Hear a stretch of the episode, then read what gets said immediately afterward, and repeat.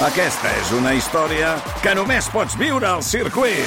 24, 25 i 26 de maig. Gran premi Monster Energy de MotoGP al circuit de Barcelona, Catalunya. Compra ja les teves entrades a circuit.cat. Viu-ho!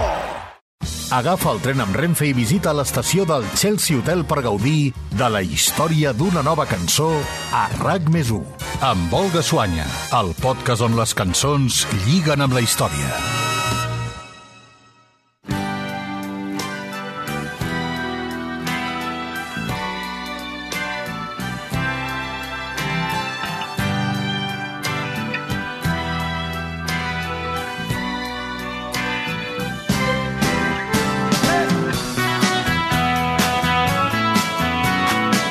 Segur que la coneixeu. És Shiny Happy People, un dels temes més coneguts de R.E.M., la banda liderada per Michael Stipe, que aquí sempre hem mal anomenat REM.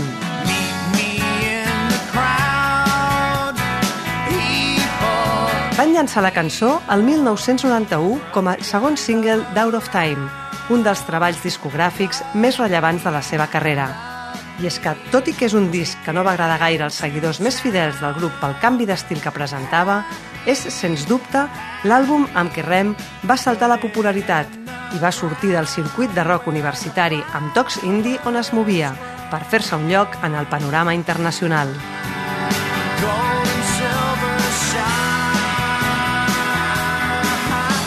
Us convidem a estirar el fil de Shiny Happy People, una cançó que darrere d'aquesta melodia alegre i la referència explícita a gent feliç i radiant amaga una història crua i trista.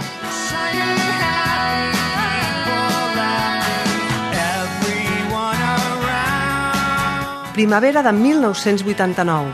A les portes d'encetar una dècada nova, el món presentava símptomes de canvi en l'ordre mundial que imperava des del final de la Segona Guerra Mundial. Moscou començava a cedir en polítiques d'obertura i relaxament del sistema autàrquic i totalitari de l'URSS. Sentiments anticomunistes s'estenien pels països europeus del bloc soviètic i a la República Popular de la Xina els estudiants sortien al carrer per demanar reformes. I és en aquestes manifestacions on trobem el fil que lliga amb la història de la cançó d'aquest capítol del podcast del Chelsea Hotel. In the dead of night, 2,000 students marched through the streets of Beijing, calling for democracy, human rights, and the resignation of the Chinese government. A finals d'abril, aquestes protestes es van intensificar i concentrar al centre de la capital xinesa i van convertir la plaça Tiananmen en bastió d'un moviment en contra de la política de Deng Xiaoping. Els milers d'estudiants que denunciaven la repressió i la corrupció del Partit Comunista s'hi van afegir treballadors que es veien amenaçats per la inflació i l'atur sorgit de les mesures econòmiques del govern.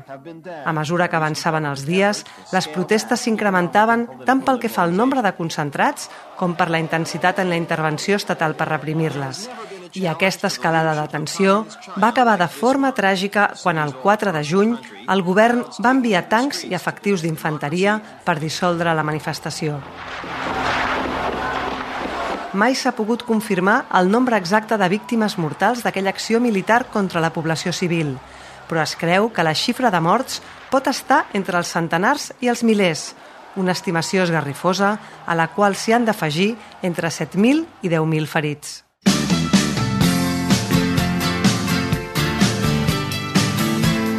Dos anys després d'aquella massacre, a l'altra banda del planeta, Rem llançava Out of Time, amb Losing My Religion com a carta de presentació.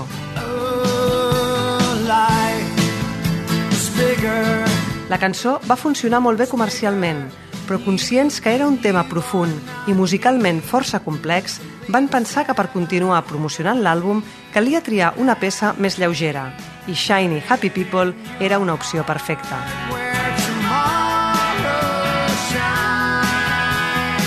Amb el seu riff enganxós de mandolina i una lletra alegre, aquesta cançó es desmarcava de l'estil de la resta de temes del disc.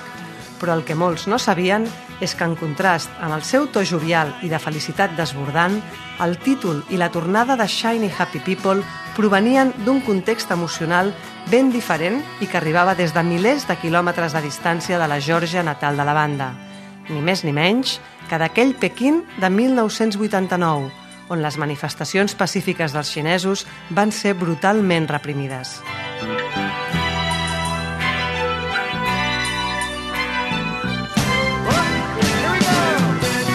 I és que per escriure la cançó, Michael Stipe va inspirar-se en un cartell de propaganda del govern xinès on en un intent de donar una imatge ben diferent del que realment succeïa al país, presentava una il·lustració de gent alegre on es podia llegir Shiny Happy People Holding Hands, és a dir, persones felices i radiants agafades de les mans.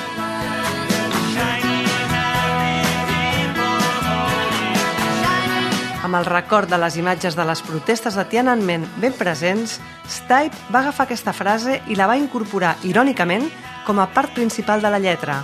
D'aquesta manera, posava de manifest la farsa que la propaganda del govern de Pequín estava compartint. Una positivitat fictícia que pretenia amagar una realitat tergiversada.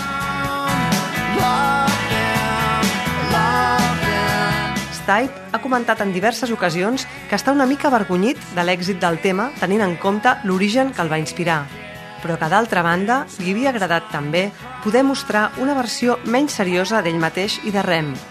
I així ho reflectien també en el videoclip que van enregistrar de Shiny Happy People. Segur que el recordeu, amb els músics acompanyats de qui fou una de les vocalistes de B52, Kate Pearson, mostrant la seva cara més desinhibida, cantant i ballant el tema al ritme de la música, mentre se'ls van afegint altres persones de diferents edats, ètnies i gèneres.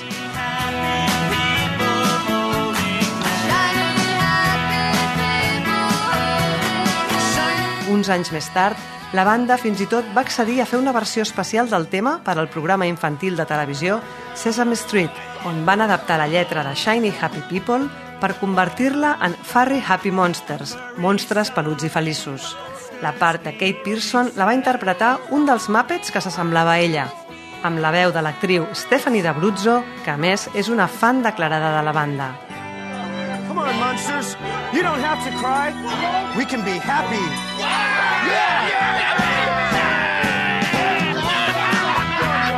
Tres dècades després del llançament, Shiny Happy People continua sent un dels temes de més èxit de Rem. No és del que se senten més orgullosos i sovint fins i tot han reconegut que els incomoda, segurament per la història que s'hi amaga al darrere i que va servir com a font d'inspiració del títol.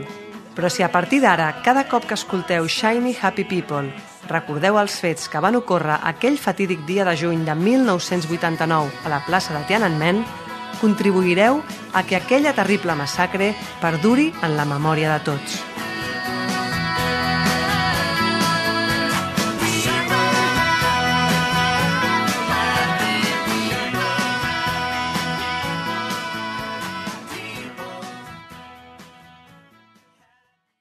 El tren de Renfe, amb parada a Chelsea Hotel, reprendrà el seu viatge i tornarà dissabte que ve amb noves cançons a RAC més 1, amb Olga Suanya, el podcast on les cançons lliguen amb la història.